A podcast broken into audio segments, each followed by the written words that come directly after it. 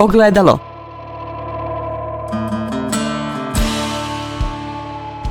Podcast Autonomije.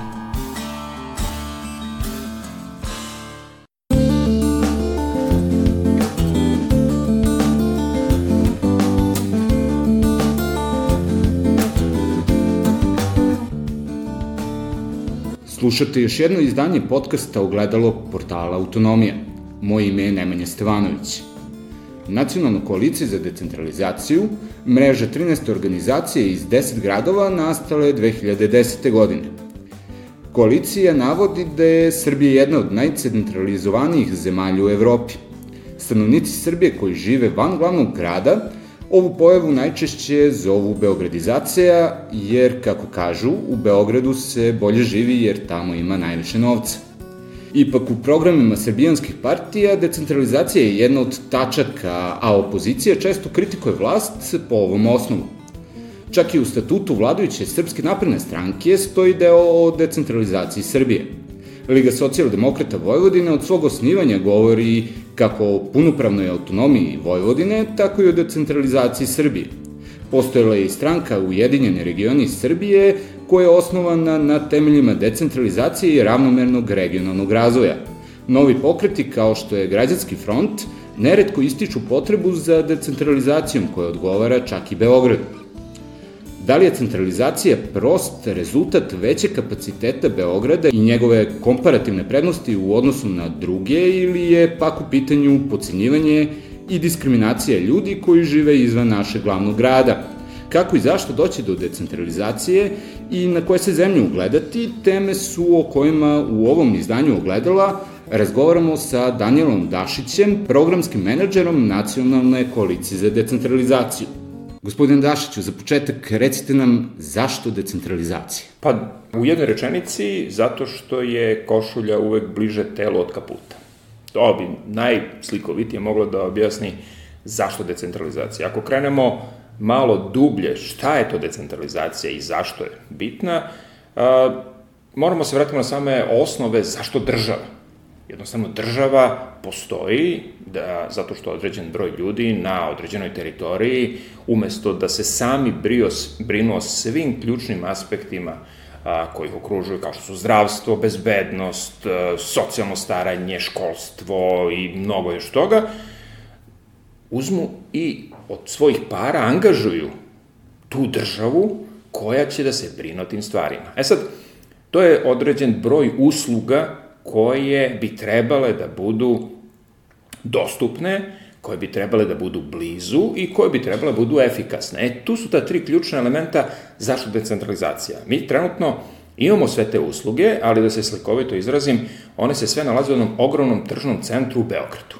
A ovde imamo samo određenu ispostavu i vezano za ispostavu mi imamo i sve one probleme, tako da te usluge nisu a, vremenski najpovoljnije po nas koji živimo van centra, nisu najjeftinije i ne pružene mogućnosti da utičemo na njih. Ono što bi jedna dobra decentralizacija morala da obezbedi ljudima je, ajde da kažemo opet, da se vratimo na istu analogiju, jedna a, mala prodavnica, sistem malih prodavnica koje postoje u svakom mestu gde postoji dovoljan broj ljudi zainteresovanih i onda oni mogu da utiču i na izbor robe u toj prodavnici, na ljubaznost tih ljudi, na smenu nekulturnih i nepristojnih prodavača i između ostalog da jednostavno osjećaju tu samu radnju iz koje nabavljaju te usluge kao nešto svoje.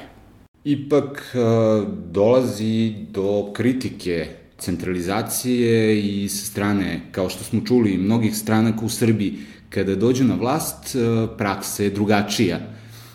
Ovako se stiče utisak da je priča o decentralizaciji samo političko sredstvo dolaska na vlast. Kome zapravo odgovara decentralizacija? Pa decentralizacija odgovara građanima. Ja, naravno, pametna, dobro osmišljena decentralizacija odgovara najviše građanima i to je ono što je vrlo lako prodati u predizbornoj kampanji, a vrlo teško ostvariti, jer sva ta decentralizacija, mi imamo tri ključna elementa autonomije svakog regiona, grada, opštine ili bilo čega, koja su, koja definišu nivo decentralizovanosti. Znači, to je ta, to pravo na političku, teritorijalnu i finansijsku autonomiju, odnosno mogućnost da se odluke o ta tri ključna elementa donose bez ikakvog upliva centra. I sad, a, bilo koji od ta tri a, odseče ili od umanji moć vladara da upravlja svim i svačim bez bilo kakve kritike, prigovora ili bilo kakve mogućnosti za drugačije mišljenje. A, baš zbog te sklonosti i dugogodišnjeg a, nekog, ajde da kažemo, PR-a koji je promovisao čvrstu ruku jakog lidera kao jedini ključ spasenja Srbije, ta ideja o tome da se o svemu odlučuje sa jednog mesta je vrlo a, primamljiva i najvoljenija od strane, moram da kažem, svih vlasti u ovoj zemlji. I najsmešnije je to što se one u suštini pozivaju na period e, Socijalističke federativne republike Jugoslavije, na druga Tita, kao tog nekog najvećeg diktatora, s tim zaboravljajući da je čak i po ocenama a, tadašnjih zapadnih političkih analitičara i istraživača društva a, Jugoslavija, Socijalistička federativna republika Jugoslavija, tada bila a, jasno klasifikovana kao najdecentralizovanija diktatura. Pomenuli ste jakog lidera, što imamo prilike da vidimo kada je u pitanju predsednik Srbije Aleksandar Vučić. Njegova stranka je pre deseta godina kritikovala centralizaciju Srbije, odnosno nivo centralizacije u Srbiji. Da li to znači da kako ko dođe na vlast, njemu odgovara centralizacija Srbije ili postoje još neke grupe kojima centralizovana Srbija sa centrum u Beogradu odgovara? Pa centralizacija najviše odgovara vladarima, a vladari onda ih koriste sve te elemente za povezivanje sa određenim interesnim grupama koje ne moraju sve da budu na ovoj strani zakona te biznis grupe i da jednostavno sprovodi, jer opet vraćamo se na sam početak, znači ako neko ko živi u Nišu a, hoće da ima uticaj na sve što se događa oko njega, on bi morao da živi u decentralizovanom Nišu, što evo možemo da navedemo baš na osnovu ova zadnja tri, ova tri ključna kriterijuma i primjera, možemo da navedemo vrlo skorašnje događane, znači politička autonomija. Građani Niša na iz, lokalnim izborima biraju a, Skupštinu grada i gradonačelnika. Kad prođu izbori i mi pitamo uporno tih 100 dana ili koliko god je već trebalo da se formira, ko će biti, oni jednostavno dobijemo informaciju, odlučit će Beograd. Mislim, ne postoji bolji pokazatelj centralizacije od toga. Kad se radi o finansijskim elementima, jednostavno vi sad hoćete i kažete da, da je potrebno asfaltirati ili uraditi određenu ulicu. Odgovor na to je, vidjet ćemo ako dođu pare iz Beograda. Kad se radi o teritorijalnoj mi smo im, još uvek imamo tu vrlo osetljivu temu koja se odnosi na aerodrom. Znači, vlada Republike Srbije, odnosno neki centri moći, mogu bez ikakvog pardona, koristeći svoju političku moć i svoje trabante koji ovde imaju u Skupštini, da oduzmu bilo koji deo imovine grada i prenesu ga u vlasništvo Republike bez da bilo koga pitaju. E, to su ti ključni elementi a, koji se opet svode zašto vlast ne želi, čim dođe na vlast, ne želi da deli tu vlast ni sa kim drugim, a pogotovo imamo priliku da vidimo da predsednik Aleksandar Vučić ne želi da deli tu vlast čak ni sa svojim najbližim saradnicima iz partije, ako uzemo da su gradonačelnici, predsednici opština i vrh te neke političke hirarhije su njegovi kao saradnici. Oni sa njima ne deli vlast, on svima njima komanduje.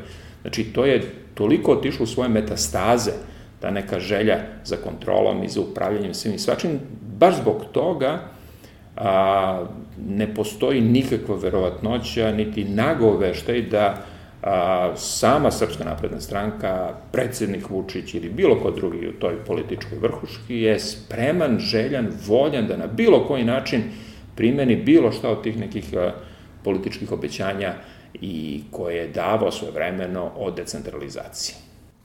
Pomenuli ste malo pre Socijalističku federativnu republiku Jugoslaviju i ocenu zapadnih uh, političara da je ona bila decentralizovana. Uh, da li postoji još neki primer uh, decentralizacije na ovim prostorima na koje možemo da se ugledamo? Pa ne moramo daleko da idemo, možemo da se vratimo, da kažemo, u neku našu istoriju, ako nam se to ne sviđa zbog, ajde, da kažem, to nekog komunističko-socijalističkog nasledđa, možemo da pogledamo, eto, jednu a, zemlju Evropske unije koja nam je vrlo blizu, nalazi se zapadno, nalazi zove se Hrvatska. Hrvatska je a, u okviru reorganizacije države dala velika ovašćenja županijama. Znači, ona je podelila samu teritoriju zemlje na okruge, kod nas ovo okruge, kod njih su to županije. I sve te županije imaju vrlo visok nivo autonomije, odnosno centralnu vlast, nivo, tačno se zna, nivo finansijskih sredstava, nivo ovlašćenja, prilikom izbora imaju vrlo veliku autonomiju, tako da eto, možemo da uzmemo i da prekopiramo taj neki a, hrvatski sistem, ajde da ne idemo u Bosnu koja je vrlo a, specifična po svojoj organizaciji. Na kraju krajeva imamo i Makedoniju koja ima dosta razvijen taj sistem delegiranja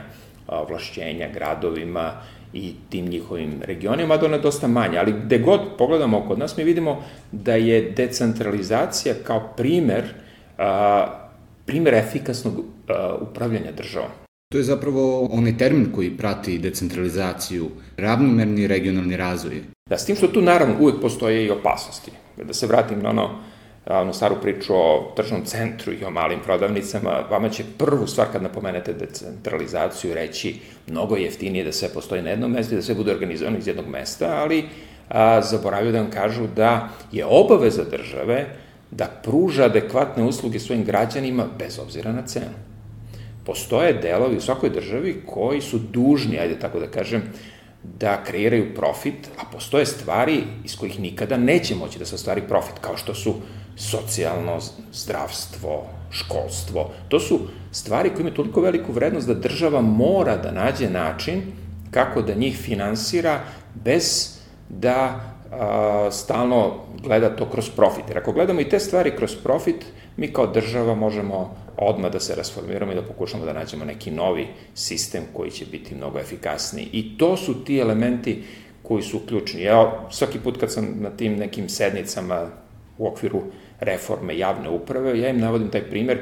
Mi imamo 8250 nekakvih zajednica a, koja su veličine, ajde da kažemo, oko možda 1000-2000 ljudi u okviru raznoraznih delova. I sad, ja kad im tražim da mi imamo 8250 nekakvih centara širom Srbije u kojima mogu ljudi da dobiju najjednostavnije usluge, kao što su usluge iz oblasti matičnih knjiga, da tu postoji određena a, stopa sigurno, znači da postoji policajac ili neka vrsta ispostave policijske stanice sa par ljudi koji bi održavali bezbednost i s treće strane a, zdravstveno mogućnost da se pruži neka najjednostavnija naj, najjeftinija zdravstvena usluga u smislu, ne znam, prepisivanja a, aspirina ili provere krvnog pritiska, oni mi se gledaju i kažu, ne, to je apsolutno nemoguće jer to nije a, a, efikasno, to je previše skupo. Onda pitamo kako smo da državi isplati da na tih 8000 i 250, 8500 mesta organizuje izbore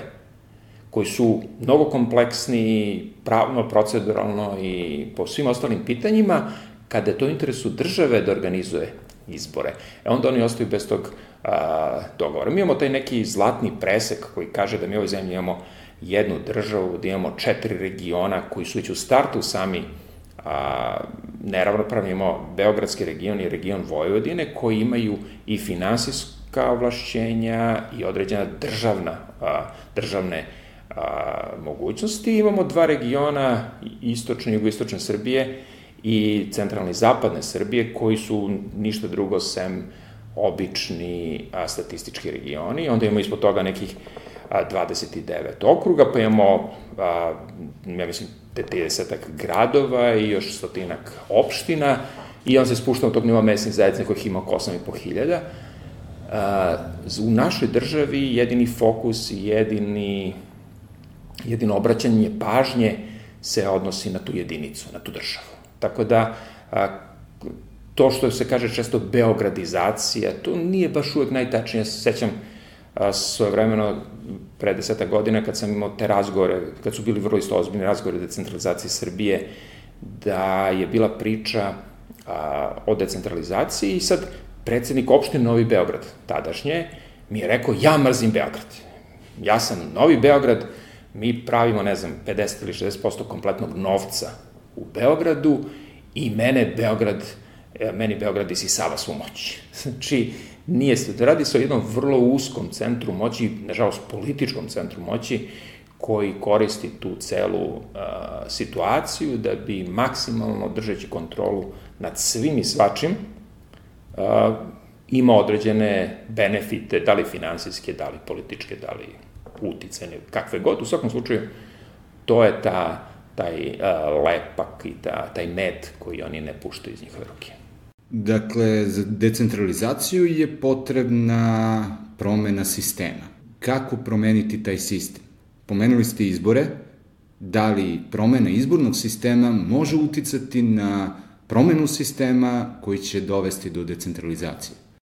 Da, čak i, ajde kažem, lagano usklađivanje izbornog sistema može dovesti do a, poboljšanja. Evo, samo ako poredimo a, naš sistem koji nije nešto mnogo promenjen u zadnjih deseta godina, vidi se da je taj sistem centralizacije države a, eksponencijalno otišao van bilo kakve kontrole u zadnjih 6-7 godina.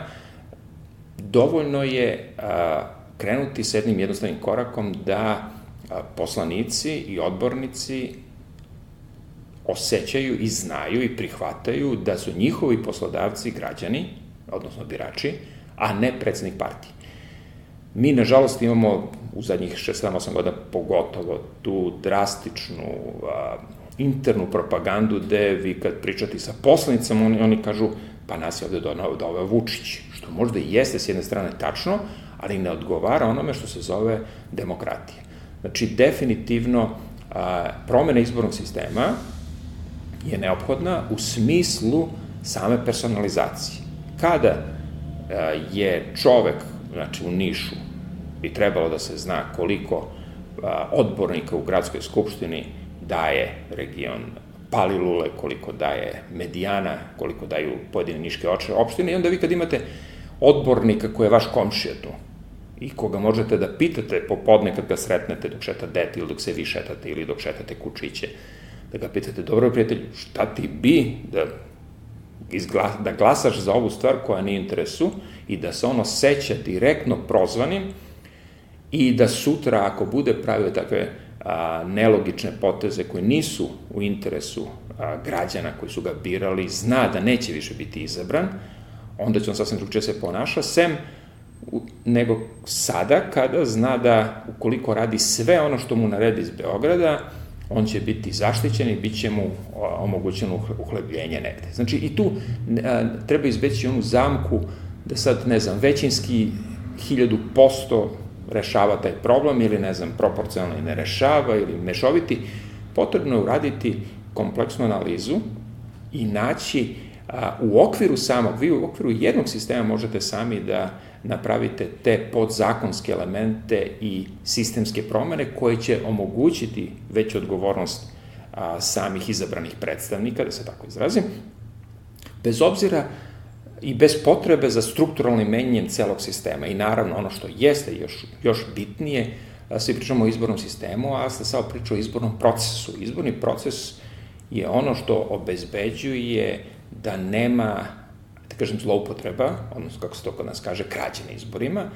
Izborni proces je možda još više degradiran od samog izbornog sistema u ovoj zemlji, tako da te dve stvari se moraju vezati zajedno i naravno mora se krenuti od uh, osnovnih elemenata. Znači, mora se krenuti od toga da bilo kakva reforma izbornog sistema na lokalu mora da obezbedi ona, one tri komponente o kojima sam pričao. Znači, ono što jeste i ustavom zagarantovano, znači da imamo finansijsku, teritorijalnu i političku autonomiju da utičemo na život u svom okruženju. I to kasnije se prenosi naviše i na nivo e, pokrajine i na nivo republike i jednostavno ono trenutka kad vi imate u republičkom parlamentu poslanike iz Niša koji će da glasaju za stvari koje su bitne za Niš, vi ste onda stvarili svoj sistem i ljude naravno koji se osjećaju tako da sutra mogu da se vrate ovde i da se za njih a, da znaju da će dobiti dovoljan broj glasova. Upravo je to ono čega, što je noćna mora, zbog čega se možda i predsednik budi noću obliven znojom, da ima nekog na lokalu koji a, više ceni mišljenje ljudi koji su ga izabrali, nego mišljenje njega koji sedi u Beogradu. Da li je to razlog zbog čega još uvek postoji samo jedna izborna jedinica u Srbiji? To je e, stvar koja mora da prođe vrlo kompleksnu analizu, jer tu mala promena jednog elementa može da napravi veliki problem. Znači, ovaj izborni sistem, svi misle da su ga napravili takozvani dosovci. Međutim, to je jedna od onih prevara koje se stalno vuče kroz medije. Znači, ovo izborni sistem je usvojen 6. oktobra 2000. godine na sednici Skupštine Srbije na ovlašćeni predlog Srpske radikalne stranke i za njega su glasali tadašnji poslanici tog parlamenta koji, ko se seća, je bio bojkotovan strane demokratske opozicije u kome su bili samo socijalisti, radikali i SPO. I naravno manjine. Znači, taj izborni sistem je navrat na nos usvojen veče nakon 5. oktobra i promena u zemlji i on je po svemu sudeći napravljen baš zbog toga da omogući da veliki broj partija učestvuje u samom a, procesu upravljanja i da taj veliki broj partija u nekom početnom a, periodu te neke demokratije a, dovede do toga da postoji nekakva unutrašnja kontrola. Onog trenutka kada je jedna partija u ovoj zemlji došla u mogućnost da napravi i da formira vladu, tog trenutka je nestala bilo kakva mogućnost kontrole otvorili su se a, dodatni, otvorili su se dodatni elementi za zloupotrebu samog sistema i za urušavanje institucija. Ostaćemo još uvek na polju izbora. A, skoro smo dobili vladu nakon skoro tri meseca čekanja. Ipak predsednik Vučić je najavio da već 2022 možemo očekivati izbore za predsednika, parlament i grad Beograd. Da li ove izbore treba razdvojiti kako bi se smanjila ta centralizacija vlasti i centralizacija samih izbora i, jedne ličnosti?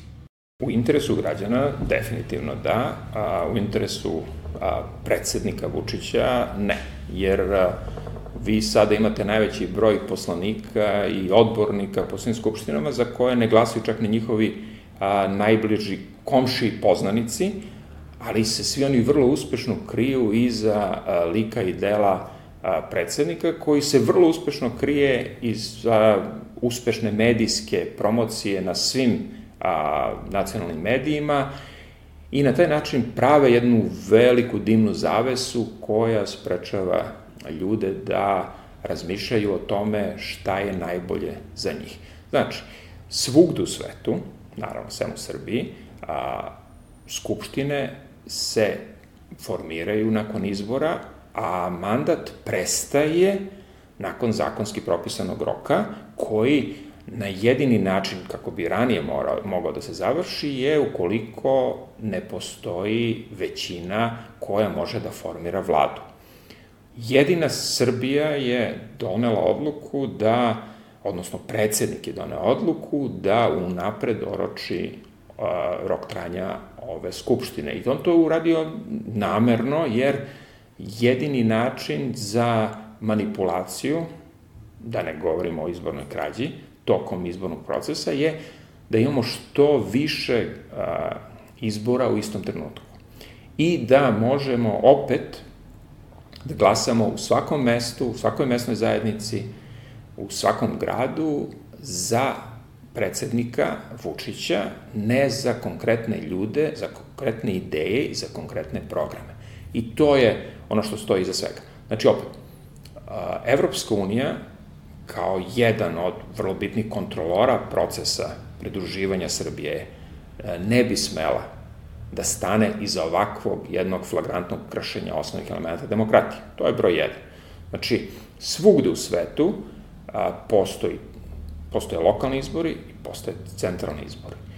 Svugde u svetu se jedni održavaju na polovini mandata drugog, sad sve jedno. Znači, ako imamo republičke, odnosno centralne, nakon dve godine od tih se prave lokalni, baš zbog toga da se u normalnim državama vidi kakav, kakvo je raspoloženje samih birača prema aktuelnoj politici. I da, da se to koristi kasnije za što kvalitetniju osnovu predzborne kampanje za sledeće normalne izbore. I uvek se skoro svugde u svetu pravi da a, mandat predsednika bude nevezan za termine i po vremenski, kao i kod nas, oni pet godina dok je Skupštine četiri, da se pravi tako da se ne poklapa sa nekim izborima. Samo kod nas, opet iz samog a, te želje i centralizacije svega se centralizuju izbori, tako da vi na jednom mestu možete da glasate a, o svemu i svačemu, što bi se reklo o istom trošku. Znači, nije ovde više pitanje a, decentralizacije, vi, mi već imamo apsolutnu centralizaciju svega, od medija, informacija, nastupa, vama je svaki dnevnik centralizovan oko jedne ličnosti koja je centralizovala ostatak Srbije. Tako da, generalno gledano, sam a, proces bi morao da bude razdvojen. Znači, sem onoga koji se poklapa po zakonskim elementima. Znači, jedino što se trenutno poklapa su izbori u Beogradu sa a, izborima za predsednika. I tu, pošto postoji ta, to vremensko poklapanje, oni se mogu po zakonu i po ustavu Srbije napraviti za, a, zajedno. Svaki ostali izbori koji se pokušaju a, napraviti na isti način, pogotovo je ta neka najava a, opštih a, lokalnih izbora, je još jedno u nizu kršenja Ustava i zakona ove zemlje, jer je opet jasno je propisano koliko traje mandat skupštinama jedinica lokalne samouprave i pod kojim uslovima se mogu raspisati izbori za lokal. Kroz čitav ovaj naš razgovor pominjali ste neke zemlje, pa čak i neke zemlje iz, iz naše istorije koje su primjeri decentralizacije. Koja je zapravo vizija Srbije koja je decentralizovana? Pa vrlo jednostavno, da se krene od ozdo naviše. A, ideal svega bi bio da a, svi mi imamo u nekom a, u nekoj blizini osnovni element državne uprave, osnovni element bezbednosti i sigurnosti i osnovni element zdravstvene zaštite koji možemo da koristimo a, za one osnovne primarne elemente koji su nam neophodni, da ne moramo recimo da idemo do doma zdravlja za svaku sitnicu i na kraju krava to jeste bilo, tada su mesne zajednice su to vreme Socialističke federalne republike Jugoslavije imale a, male šaltere na kojima ste mogli da podneste zahtev za izdavanje matičnih, izvoda iz matičnih knjiga, gde je postojao lokalni policajac koji je obilazio reon i gde je postojao i neki nivo najosnovnije zdravstvene zaštite sa lekarom, jednom sestrom koji su mogli da vas prime, pogledaju ako nije dobro i onda da vas upute na sledeće mesto. Znači, to je nešto što bi idealno moralo da postoji na nivou svake mesne zajednice, odnosno mesne kancelarije. Naviše bi trebalo da se krene u vrlo ozbiljno ovlašćenje nečega što ne postoji svugde, ali što se pokazalo kao optimalna veličina za upravljanje potrebama ili za usluživanje građana. To je ta neka nivo opštine koja se kreće od 5 do 10 hiljada stanovnika. I tu ne govorimo o tome da bi mi sad trebali za sve te opštine da imamo skupštine, predsednike i ostalo. Trebalo da imamo organizacioni oblik javne uprave koji bi na tom nivou mogao da pruža sledeći nivo usluga, pa onda recimo gradovi, gde bi bilo pod obavezno da gradovi imaju punu političku autonomiju i da imaju a, puno vlasništvo nad svojom imovinom i nad finansijskim tokovima. Do Slobodana Miloševića a, pare koje su se, se skupljale u jednom gradu su prvo popunjavale budžet u tom gradu i kasu trezor, kako god da ga zovem, pa su onda po određenom ključu koji je bio propisan i koji je bio usaglašen, išle prema centru. Znači, znalo se, kao što sad, vi kad kupite nešto, zna se koliko od tog novca vi dajete za republiku, koliko dajete za poreze i PDV i ostale stvari.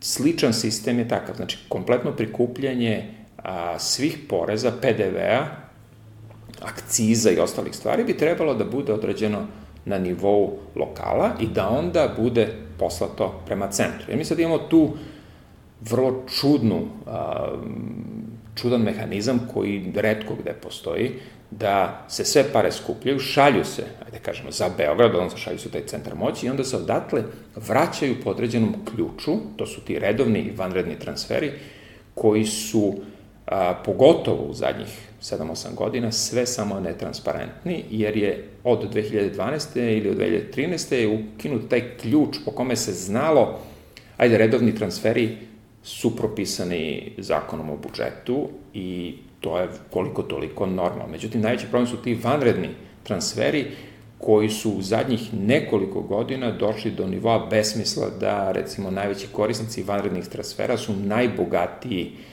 a, najbogatiji gradovi opštine u Nišu, počeći od Beograda, koji, za koji stalno slušamo kako ima uvek suficit u budžetu, ogromne pare, a koji redovno dobijate a, transfere iz budžetske rezerve. Znači, taj nivo netransparentnih davanja postaje sve veći i, postaje, i sve se više odaljava. Tako da vi sad, kada Niš dobije, recimo, 100 miliona iz budžetske rezerve, rezerve na ime vanrednog transfera, ja kao građanin Niša koji punim taj budžet i lokalni i republički, nemam pojma po kojim kriterijuma, kako, zašto, za koje projekte, kakav je plan trošenja, ko će upravljati, ko će vršiti kontrolu. To, su te, to je ta suština decentralizacije, da vi jednostavno, kao što nas država uči, da kad odemo kod Kineza, trašimo fiskalni račun, a vreme je da ova država počne da izdaje svoje fiskalne račune i to da ih izdaje na način koji je transparentan, vidljiv i koji se nalazi ovde blizu nas, tako da mi ne moramo da idemo za Beograd da bismo dobili neku informaciju. I za kraj, kako obezbediti a, mogućnost da Niš, Novi Sad, Kragujevac u toj decentralizovanoj Srbiji ne postanu mali Beogradi? Da, to je odlično pitanje jer mi to obično a, poredimo sa primerom da dece koja su rasla u porodicama u kojima je postojala neka vrsta nasilja, takva deca kasnije su vrlo sklona da sama primenju nasilje prema svojim supružnicima ili članovima njihove uže porodice. To su stvari koje se moraju zakonski srediti. Znači, krenuti sa postepenim, ali sistematskim razlašćivanjem centra, dodeljivanjem raznoraznih ovlašćenja prvo na nivou možda tih regiona, pa onda ići na okruge, pa gradove, pa opštine, pa naniže, ali vrlo ono što je najbitnije, da svako ovlašćenje mora da bude propraćeno i jasnim i stabilnim financijama, načinom kako će to da funkcioniše, načinom kako će da se a, ti elementi, ta ovlašćenja primenjuju u praksi. E, to je nešto što a, je najveći i najduži a, vremenski a, period koji će morati da se a, ukalkulišu ceo proces. Ono što smo pričali, 5 do 10 godina je a, minimalni rok za takve neke promene i za takve nekve, nekakve a, kvalitetne primene detalja. Gospodine Dačiću, hvala vam na gostovanju. Vi ste slušali još jedno izdanje podcasta portala Autonomija. Ostale epizode možete poslušati na platformi Podcast RS, a ukoliko želite da donirate nezavisnom novinarstvu, to možete učiniti na portalu donations.ndnb.org. Moje ime je Nemanja Stevanović i čujemo se drugom prilikom. Ogledalo